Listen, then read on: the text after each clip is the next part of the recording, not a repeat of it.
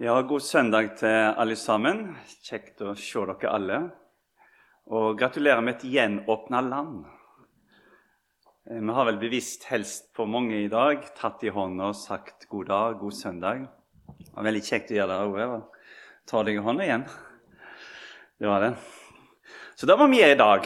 Og så kan vi òg gi en klem når det passer seg sånn. Det er jo så lov nå.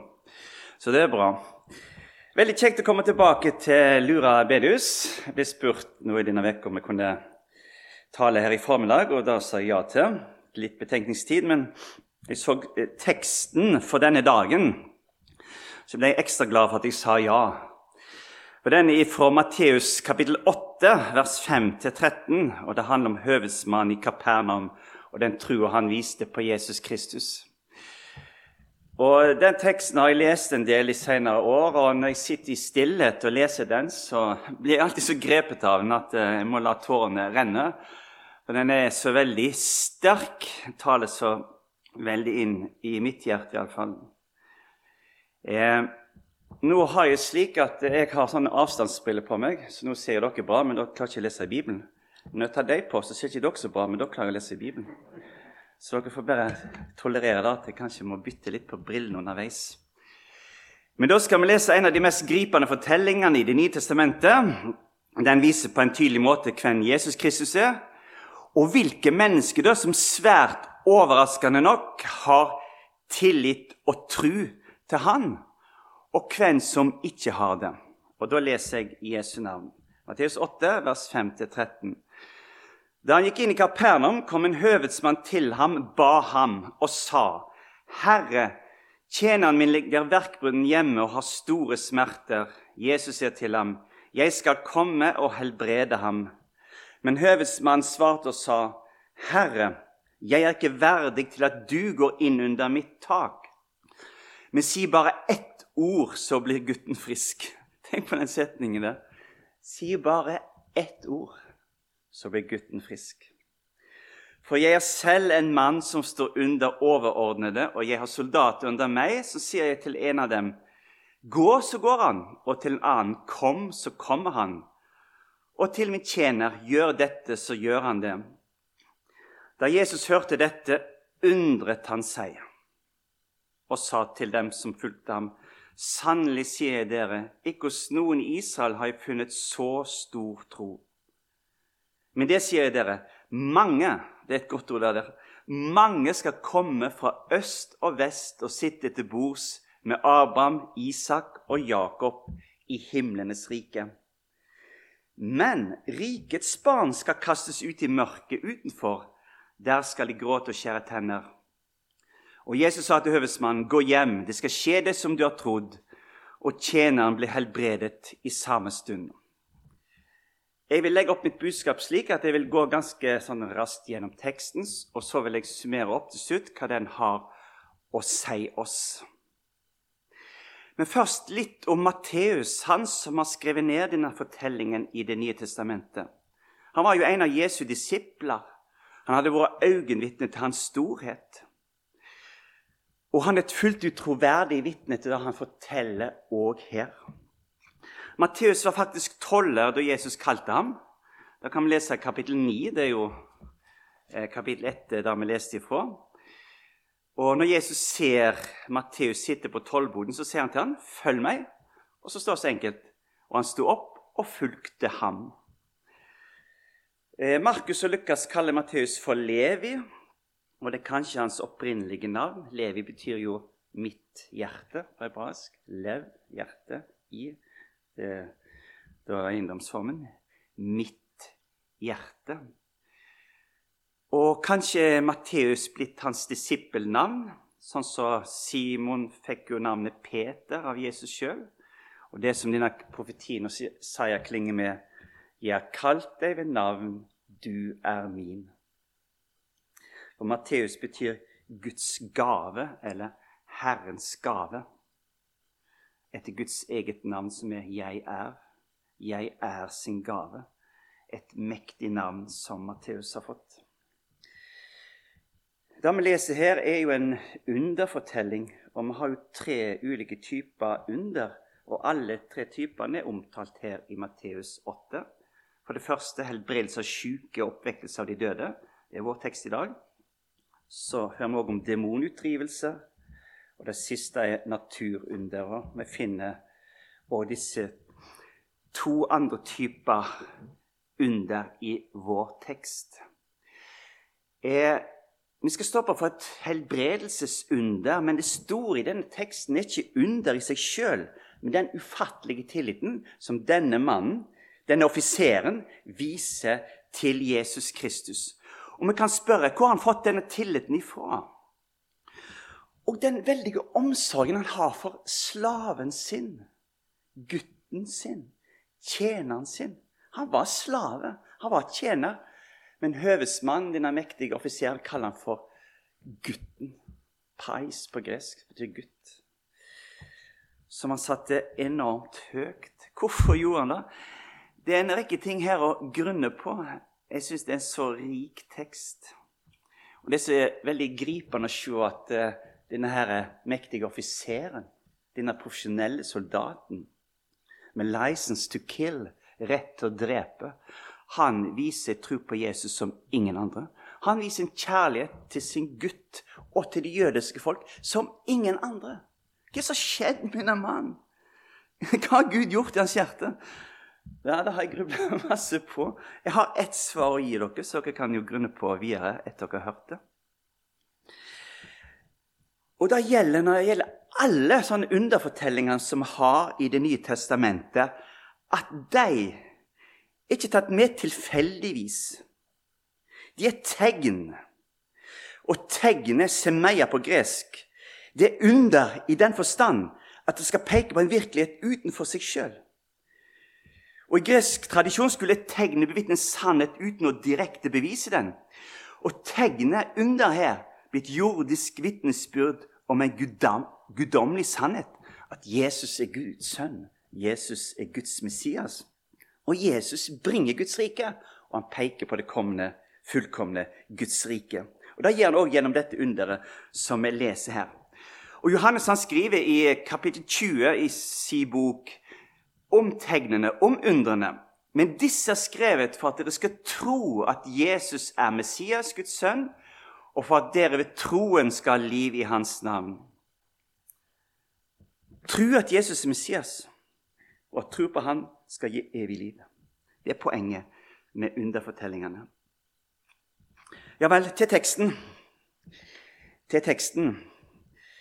Jesus går inn i Kapernaum. Og Kapernaum var hans by. Der bosatte han seg, eh, kan vi lese tidligere i Matteusevangeliet. Og Det var der Jesus hadde sitt hovedkvarter under sin offentlige virksomhet i Israel. Og nå skal dere høre noe veldig fint. Kapernaum betyr på hebraisk trøstens by. Kvarnaum. Kvarnaum. Og i dag skulle byens navn få leve fullt opp til navnet sitt. For den store trøsteren var i trøstens by.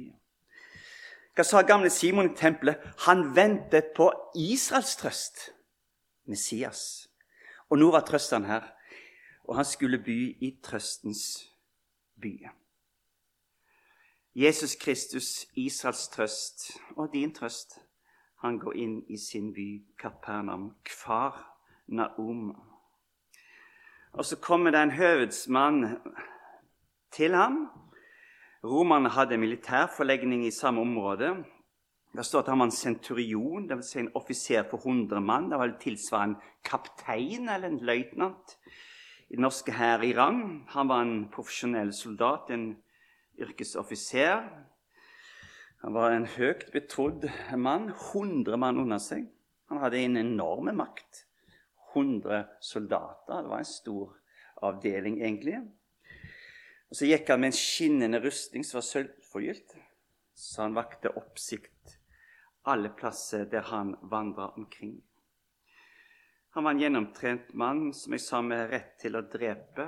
Han kunne bruke den tids våpen. Samtidig var han en mann med en høy og god moral, en som ikke gjorde uforutsette ting, som kunne sette han sjøl eller hans soldater i unødig fare. Og En romersk soldat var i tjeneste i 25 år. De siste fem åra var litt lettere for en veteran. Men 25 år, det er lenge. Så vendte de tilbake til gården sin, til jorda si, etter disse 25 år. De fleste romerske soldater var bønder. De hadde borgerskap i Romerriket. De ble kalt ut til tjeneste i hæren. Det var grunnlaget for det romerske imperiet at keiseren kunne styre et enormt område. At han hadde en stor hær med profesjonelle soldater som kom for bondestanden, alle. Og Denne mektige mannen her, han kommer til Jesus i sin nød. Jeg sa i sin nød. Men det var ikke han så lei, djupest sett. Men han lei, han òg. Du ser der i vers 6. Han sier til Jesus Kristus, 'Herre, Kyria'. Herre. Han sier ikke navnet til Jesus, han sier bare 'Herre'. Og så bærer han fram sitt ærend. Og han kommer ydmykt fram med sin store nød. Og nøden gjelder ikke han sjøl, men hans tjener. Tjeneren min Grunnteksten sier 'pais sønnen'. Han kaller slaven for sønn. I Lukas 7, der du har eh, samme beretning fortalt med litt flere ord og litt lengre, litt lengre fortelling, så står det at eh, denne høvesmannen satte slaven meget høyt. Den mannen som var så barsk og så så veldig ut på utsida, han hadde et brennende, ømt hjerte. Og I Lukas 7 så kan du lese hvordan de eldste blant jødene de nødber Jesus. Han er vel verdt at du gjør dette for ham. Du må høre på hans bønn, Jesus. Fordi han elsker vårt folk. Og det er han som har bygd synagogen for oss. Kan du deg, Her var en romersk yrkesoffiser som elska det folket var med og okkuperte. Jeg sjekket grunntekstens ord. Det står 'agape'. Det er det sterkeste ord for kjærlighet som du har i gresk språket. Den kjærligheten hadde han til det folket var med å okkupere. Kan du forstå det der? Jeg forstår det ikke. Og så har han brukt sine egne penger da, til å bygge synagogen for jødene. Da gjorde han kjærlighet til jødene, men han gjorde det òg med en baktanke. fordi eh, Romerne ville ha orden og god disiplin og moral. Og det som ble forkynt i synagogen, virka til ro og orden i det romerske imperiet. Og så lider nå denne offiseren pga. tjeneren sin. og Det står at han var verkbrudden, hadde store smerter. Verkbruddene er å ha giktsmerter som gjør at leddene dine blir så betente at du blir helt lamma. Det står at han var paralysert eller lamma av giktsmertene. Og du kan få noe som heter giktfeber, som kan vare i månedsvis, som lammer deg. Og Her er det jo ingenting å lindre smerte med, unntatt eh, enkelte legene urter og, og sterk brennevin som de kunne bruke. Men ellers hadde de ingenting. Og kan du tenke deg hvordan folk er lei før? Av en influensa, av en febersykdom, av gikt en bruddskade, brekt armen. Tenk jeg hvordan folk er lei. En betennelse. Kan du tenke deg hvordan de er lei? De hadde det forferdelig. Og til slutt så klarte ikke de å bære smerten. Og så kollapsa de og døde. Og nå står denne eh, varmhjerta, barske soldaten og ser på den gutten som han elsker som sin egen sønn. Kanskje hadde han ikke familien med seg. Mange romerske offiserer hadde jo kone og barn med seg der de var stasjonert. Kanskje hadde han familien hjemme i Italia. Han savna kone og barn, han savnet sin sønn. Og så søkte han da òg en slags trøst i den tjeneren han hadde. Han ble som en sønn for ham. Og så ser han at han blir brutt sakte, men sikkert ned i store smerter. Så kan ikke gjøre annet enn å snakke vennlig til ham tørke ei febret panne, gi han noe å drikke, holde rundt han, trøste han. Så vet han utfallet er sikkert. Han vil dø på en forferdelig måte. Men så har han hørt om mannen fra Nasaret. Hvor mye har han hørt? Hvor mye har han forstått? Det står at han elska jødene. Han hadde bygd en synagoge for dem. Han ville at de skulle ha en plass for Guds ord. Og der ble jo loven lest opp. Der ble i profetiene lest opp. Det ble i profetskriftene lest opp. Og han må ha fått hørt litt av dette budskapet. Og han har tatt det inn i sitt hjerte. Og så kjenner han igjen profetiene på mannen fra Nasaret, som går rundt og gjør alle ting vel. Og så blir det tent ei tru i hjertet hans. Sannelig min hatt, han som kom inn i Kapernaum i dag, det er Guds Messias. Jeg kjenner han igjen ifra det jeg har hørt i synagogen. Kanskje han lest sjøl i disse Torarullene, i profetskriftene. Og så blir troa tent, håpet vekt. Og så begynner en mektig kjærlighetens ild å brenne i hans hjerte. Og så kommer han til Jesus med sin nød. Og når han kommer til Jesus med sin nød, så går Jesus rett på sak og svarer jeg skal komme og helbrede han. Ingen nøling, ingen diskusjon. Her skal det handling til. Hvordan hadde du oppført deg hvis du hadde vært denne mannen som kom og sa 'Jesus, kom, bli med meg hjem til huset mitt, helbred min sønn'? Og så sier da eh, Jesus, 'Jeg blir med deg'. Fint, Jesus, da går vi i lag hjem. Og så har du tatt og gått litt i forveien, og så kommer Jesus etterpå. Sånn hadde jeg nok oppført meg. hadde jeg vært en sånn situasjon. Jeg ville hatt Jesus med meg hjem, så han kunne se den syke, kanskje berøre den syke, legge sine hender på den syke og tale til den syke. Men så kommer dette som er så forunderlig. Vil han ha Jesus med seg hjem? Nei, han vil ikke ha Jesus med seg hjem. Han sier, 'Herre, jeg er ikke verdig til at du går inn under mitt tak.' Hvordan kan han si noe sånt? Jeg er ikke verdig at du, som den levende Guds sønn, at du kommer inn i huset mitt. Det er jeg ikke verdt. Men si bare et ord. Ett ord er nok for meg, Jesus. Gud, jeg er ikke verdig til noe annet enn at du sier ett ord. Og så forklarer han Jesus trenger ingen forklaring, men så bare forklarer han hvordan han tenker. For jeg er selv en mann som står under overordnede, og jeg har soldater under meg. Sier til en av dem gå, så går han, og til en annen kom, så kommer han. Og til min tjener gjør dette, så gjør han det. Hvorfor sier han det til Jesus? Jo, han forklarer hvorfor han mener at Jesus ikke trenger komme innunder hans tak. Fordi han vil gjøre akkurat det som Jesus sier til ham. For Jesus Kristus er for han den aller høyeste autoriteten, den mest overordna, som han vil lyde. Og så er ikke han verdig til at Jesus skal inn i huset hans. Men det holder med ett ord.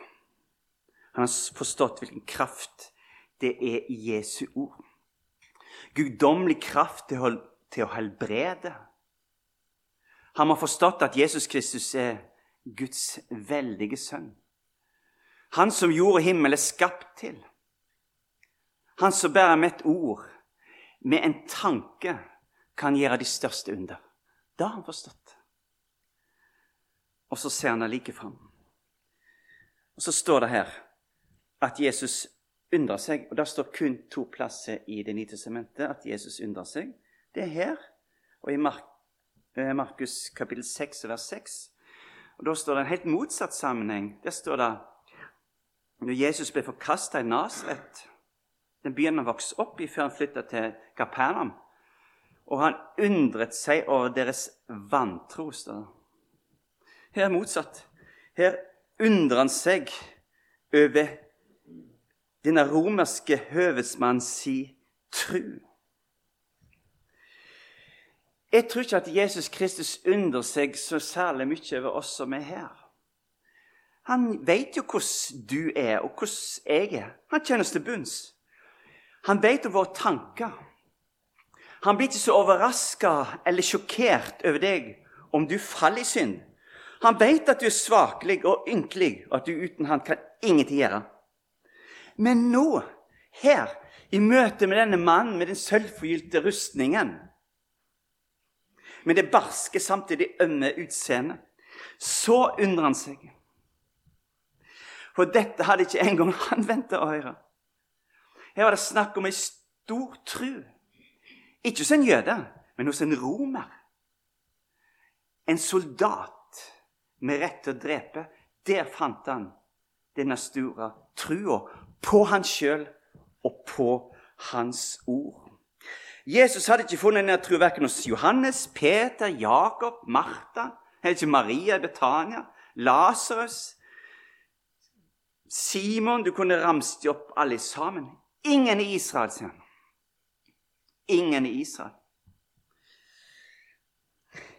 Men der du minst kunne vente det, hos en profesjonell elitesoldat fra Romerriket. Hvem var han? Han hadde gått på krigsskoleungdommen, plassert i en hæravdeling, steg i gradene, sendt over hele verden og havna i en liten by Galilea, i hedningenes Galilea. Der, hos han, fant hun størst av alt tro. Merkelig. Og så sier Jesus, når han står der og undrer seg Og det er et herlig ord. ikke ja? Mange, det er ikke få, mange skal komme fra øst og vest og sitte til bords med Abraham, Isak og Jakob i himlenes rike. Men de som riket egentlig tilhørte, jødene, de som hadde førsteretten på Guds rike. Og Jesus sa jo sjøl har bare utsendt til de fortapte får av Isas hus. Mange av de vil ikke komme inn i himmelen, men bli kasta i mørket utenfor. Der de skal gråte og skjære tenner. Og Jesus han blir stående der. Og så sier han til offiseren, 'Gå hjem. Det skal skje deg som du har trodd.' Og tjeneren ble helbredet i samme stund. Et fjernunder. Jesus bare ville ut fra sin guddommelige kraft. 'Jeg vil at han skal bli frisk.' Og så forsvant feberen, smertene, alt i samme sekund. Det er guddommelig å helbrede. Hva viser denne teksten? Jeg har mange punkt, men jeg kan korte ned litt, kanskje.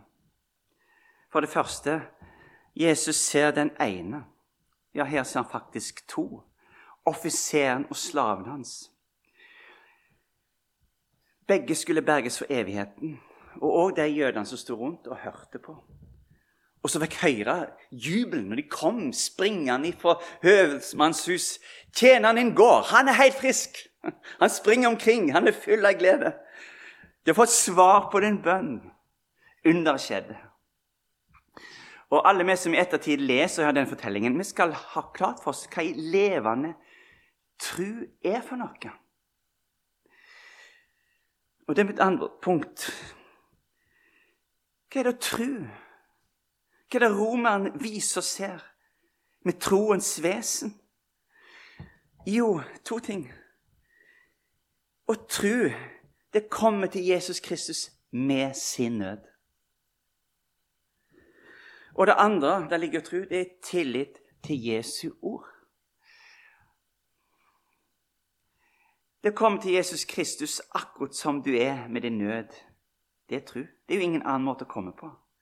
Å tro på Jesus Kristus og komme til Jesus Kristus er akkurat det samme. Det herlige ordet i Johannes 6, vers 35 ser det så tydelig. Jesus sa til dem, 'Jeg er livets brød. Den som kommer til meg, skal ikke hungre.' 'Og den som tror på meg, skal aldri noen gang tørste.' Å komme tro, det er akkurat det samme. Det er sånn parallellisme som vi finner masse av i, i Bibelen. Én sak sagt på to litt forskjellige måter, eller to uttrykksformer. Komme og tro. Det er samme saken. En sann tro er tillit til Jesu ord. For Jesus han er ett med sitt løfteord. Og for ser han sier så tydelig Si bare ett ord, Jesus. Det er så fint. Si bare ett ord, Jesus. Det holder for meg. Ett ord. Jesus er ordet. Vi leser så mektig i starten på Johannes 1. I begynnelsen var Ordet, og Ordet var hos Gud, og Ordet var Gud. En opplevelse med Jesus en opplevelse med ordet hans. Han er ett med sitt ord. Og vi som forkynner Guds ord, som står på en talerstol, det står om noen taler, han taler som Guds ord. Og da forkynner vi også Jesus Kristus. Sant? Veldig gildt å høre det du sa til åpningsbastet. Tok det til meg. Budskap om syndens forlatelse, det virker tro og tillit til Jesus. For det tredje, ei sann tro på Jesus må bygge på mer enn undergjerninger. Det er en litt kraftig påstand, men den mener jeg er sann. Her har du under, her har du tro på Guds ord i denne teksten. Jeg hadde ei venninne fra den tida jeg sjøl var elev på Kvitsøy gymnas. Hun opplevde et uh, under. Jeg så under. Jeg så henne før jeg gikk til forbønn, og jeg så henne etter hun gikk til forbønn. Hun ble helt helbreda. Kroppen hennes ble helt fullkommen rett opp. Og hun sa når forbønnen la hånda på meg, så kjente jeg hvordan den ene foten min vaks ut. Jeg så henne før jeg gikk til forbønn, jeg så henne etterpå. Jeg kan bevitne hun har opplevd et under. Så gikk det ti år, traff henne igjen. Så sa hun ganske åpent at eh, hun trodde ikke lenger på Jesus Kristus. Kan du forstå det? Hun hadde opplevd et helt konkret under. Vi kan lese i Lukas 17 om de ti spedalske som ble rensa. Bare én, og han var samaritan, kom tilbake for å gi Jesus takken. Og han fikk mer enn en frisk kropp. Han fikk òg syndenes forlatelse og ble frelst. Hva hender dere kjenner eksempel på folk som har opplevd under, og så var de fornøyd med å bli helbredet. Så har de ikke mer bruk for Jesus Kristus etterpå. Så en sann tro på Jesus må bygge på mer enn undergjerninger. En sann tro på Jesus klynger seg til ord om ham, og ordet han har, akkurat som offiseren. Et fjerde punkt jeg har lyst til å nevne for dere. Og jeg vil lyst til å knytte til to eh, erfaringer jeg har gjort med to gamle sjømenn, sjøulker, som eh, vi sa hjemme på Bømlo. Denne teksten viser òg at vi finner tru på Jesus der vi minst skulle vente det. Og I den forbindelse så har jeg tenkt på disse to eh, sjømenn som jeg har møtt. De døde for lenge siden, begge to ene han het eh, Olaf. Han jobbet som maskinist på den båten som faren min var skipper på, heter Bergstrøm. Vi kalte han bare for Olafen. Jeg snakket masse med han da jeg var til sjøs. Fikk aldri inntrykk av at denne gamle sjulken her med masse tatoveringer Det hadde jo sjøfolka før. Før nå skal jo alle tatovere seg. Men i gamle dager var det bare sjøfolk som hadde tatoveringer. Ja, det jeg store, flotte tatoveringer på underarmene. Hendene er helt gjennomtrengt av olje. Liksom ser de for meg. Så vidt jeg vet, så var han knapt innom ei kirke eller bedus. Men på lugaren hans det lå det et Nytestamente. Min far hadde bare gløtta inn på rommet hans, eller lugar, som det heter på en gang. Der lå Nytestamentet. Han måtte ha Guds ord, men det var det ingen som visste. Ingen som visste. Men far min fortalte med begeistring. Olafen han har et Nytestamente som han leser i, i stille stunder for seg sjøl. Jeg jobbet der en rekke somre om bord i den båten som en lett matros. Alle lå av sprangstigen om bord i båten. Og så var han på vei opp mot eh, Karmøy. Han seilte forbi eh, Jærens rev. Og så får Olaf en, eh, en sånn hjerteattakk. Og han blir forferdelig syk, og vi aner at dette her er veldig alvorlig. Og eh, kapteinen gir full gass inn mot Skudesnes. Og ringer til lege, selvfølgelig.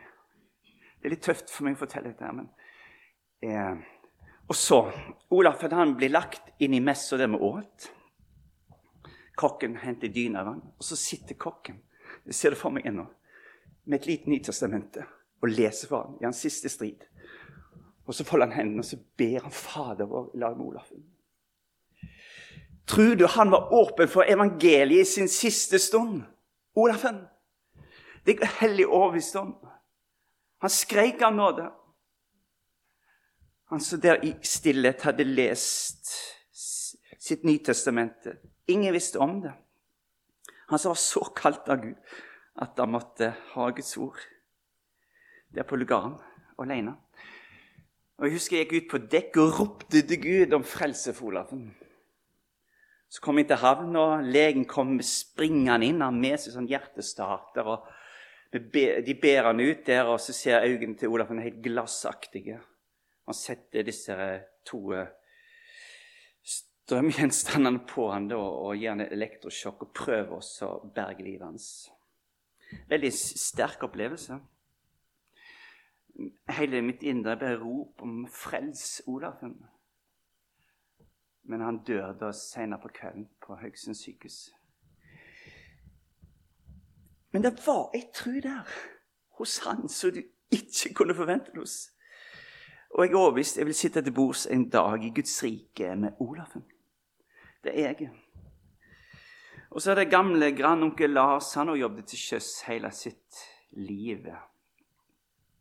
Ofte besøkte han hadde sjans og prøvde å fortelle han om Jesus Kristus og komme inn på de åndelige ting, men han, han bare lo meg vekk. liksom. Han vil ikke inn på det. Men så får han kreft, og han blir helt forandra. Han blir så mjuk og mild. Og han åpner seg for Jesus Kristus. Og like før han dør, så er min far hos han. Og så sier min far til han, når Jesus ser vil hente deg, vil du bli med han? Ja, sa Lars. Bare ett ord. Vi har fått en veldig trøst i dag. Han sa ja. Jesus er her. Vil du bli med han? Det er himlenes rike.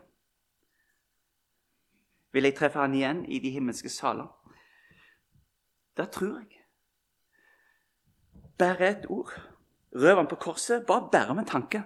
Han fikk paradis. Og så her, da. En romersk elitesoldat han blir løfta fram som det største eksempel på gudsfrykt av alle. Jesus Kristus sjøl gjør det. Hvem skulle trodd det? Ingen skulle tro det. Og det blir noen overraskelser i himmelen, dere.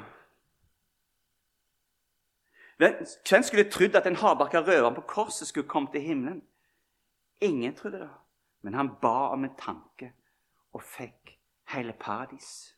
Samtidig tror jeg òg at det er noen som blir savna. Det vil være noen negative overraskelser òg. Den romerske hedningen her og soldaten her han viser i klartekst hva levende tru er.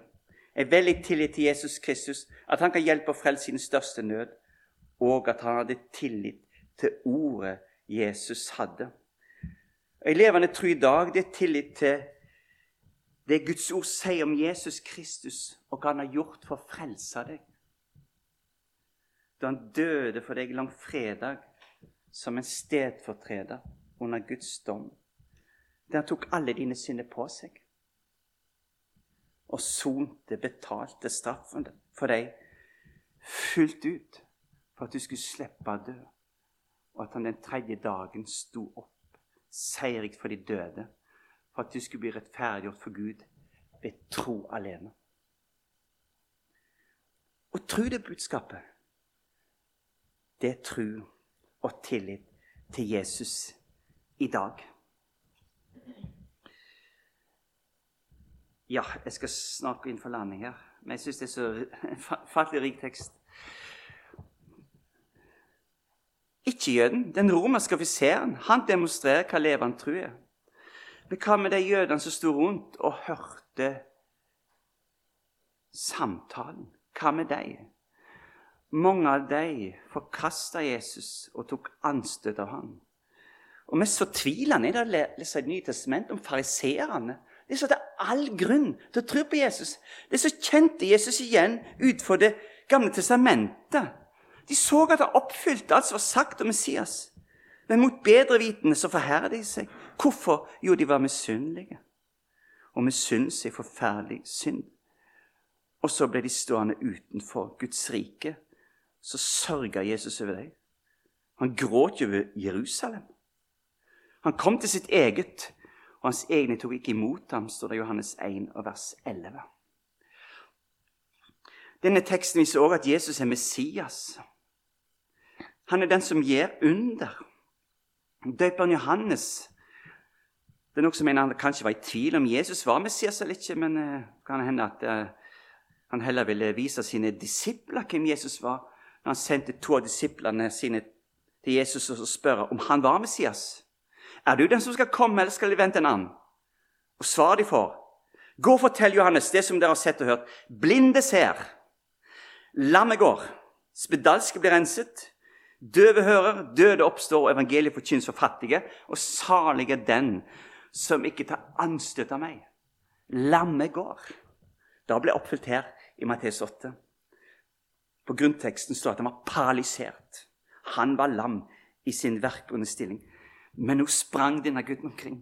Under det skjedd. Jeg er Messias! Derfor har dette skjedd. Så fikk òg offiseren syn for seg. Han trodde jo i sitt hjerte at Jesus var Messias, Guds sønn. Teksten viser òg at det, eh, det, er mange som kom til himmelen. Jeg er veldig glad for det ordet 'mange'. Mange, står det. Og i Jesus sier Johannes 14 i min fars hus er det mange rom. I min fars hus er det mange rom. Og Johannes' åpenbaring, kapittel 7, vers 9. Deretter så jeg å se en stor skare som ingen kunne telle, av alle folkeslag til Norge. Og folk Nei, folkeslag og stamme og folk og tungmål. De står for tronen for lammet, kledd i lange, hvite kapper og med palmegreiner i hendene. Og de roper med høy røst og sa, Frelsen tilhører Gud, Han som sitter på tronen og lammet. Og Det nest siste jeg skal ta fram, det er at eh, alle underne og dette peker fram mot den underfulle tidsalder, da alt er nytt. Da jord og himmel er forent. Da sykdom, smerte, nød og lidelse er borte. Og den fæle angsten og den uroen som jeg tipper alle dere har kjent på. At det skal skje noe vondt med det du er glad i. Sant? Ikke noe verste vi kan uh, oppleve i livet. Altså, Vi er redd det skjer noe galt med vår ektefelle eller vår barn eller nære venner. Den angsten kan være forferdelig. sant? Uroen. Alt er borte. En dag er alt borte. En dag skal Gud gjøre alle ting nye, står det. Åpenbaringen 21. Alle ting nye. Da skal ingen plages av fysisk og fysisk sykdom. Ingen savne noen. Eller se deprimert ned i gulvet. Eller fortvile inn i en vegg. Ingen skal stå og hulkegråte ved grav eller kjenne på ensomhet og savn fordi ektefelle, barn og nære venner borte. Alle ting er nye. Det peker òg underet på det fullkomne Guds rike. Og så det siste. Jesus undrer seg. Han kjenner alle ting. Han leser våre tanker som ei åpen bok, sa jeg. Og han undrer seg ikke på liksom, altså, når det gjaldt denne her offiseren. Han undrer seg virkelig en fremmed, en hedning, en kriger, viste denne store trua på ham. Har du merka deg at det står veldig lite negativt om soldater i Det nye testamentet? Det står veldig masse positivt om offiserer i Det nye testamentet. Det er ingen motsetning mellom stor gudsfrykt og være soldat eller offiser i Bibelen. Kan en kristen være soldat? Selvfølgelig. Jeg har vært feltprest i Forsvaret 13 måneder. Veldig rik tid. Fattelig rik tid. Kampfullt, men veldig rikt. Fikk vel lov til å være med og berge barn i mors liv. Viste filmen 'Det tause skriket' for soldatene. Det var enorm motstand. Folk raste mot deg. Så kom det en soldat inn på kontoret en dag. Han hadde først vært kompanisjefen. Han hadde brutt totalt i sammen og grein. Kompanisjefen han jobbet på en abortklinikk i helgene. Veldig rart. Så kom han til meg og sa jeg må få låne den filmen. Jeg må få låne den filmen. Kjæresten min er gravid. Vi har tenkt å ta abort, men vi kan ikke. Så skulle han samle både sine foreldre og hennes foreldre, så skulle de se filmen. Så bestemte seg for vi skal beholde barnet. Da ringte jeg ned til eh, den mennesket, den eh, organisasjonen i Oslo og sa vi har berga et liv. Var de som eh, hadde filmen, som fikk låne. Veldig rikt å være soldat på min måte. kom inn en annen soldat en gang. Rett inn og sa han, er dette en plass jeg kan bli frelst på. Ja, her kan du frelse deg. altså, han er rett på sak. Hvor opplever du sånne ting? Jeg opplever i hvert fall i Forsvaret. Um, denne her eh, høvedsmannen i vår tekst viser den enorme tilliten til Jesu ord. Hva leser vi om en annen høvedsmann som står ved Jesu kors? Hva sier han?